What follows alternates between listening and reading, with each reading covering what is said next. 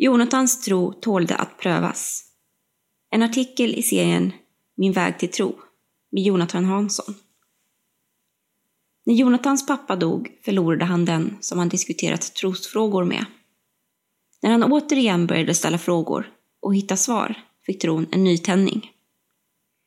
Jonathan växte upp i en kristen familj med en pappa som var pastor och en mamma som var aktiv i söndagsskolearbetet. I och med det har tron alltid haft en självklar plats i hans liv.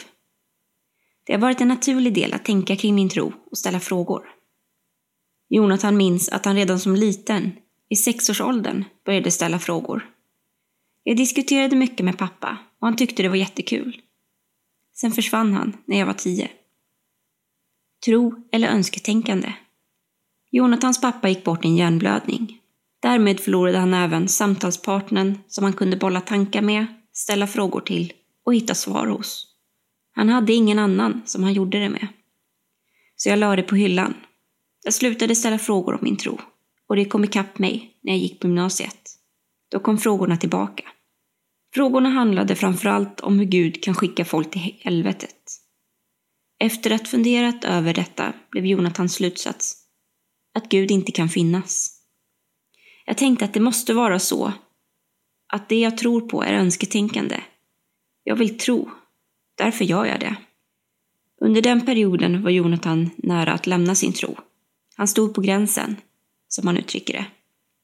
Flera gånger upplevde jag Guds närvaro och övernaturliga saker. Men jag försökte alltid skaka bort det. Och sa att jag bara ville uppleva det här. Nya frågor och svar. En gång stötte Jonathan på en man som pratade om frågor kring helvetet. Då insåg han att man kan ställa frågor kring sin tro och faktiskt få svar. Det blev som att nyupptäcka tron.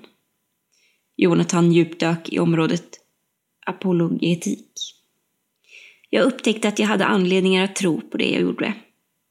Jag vågade även acceptera mina gudsupplevelser som riktiga. Detta blev en nytändning i Jonathans tro och han insåg att tron tål att prövas.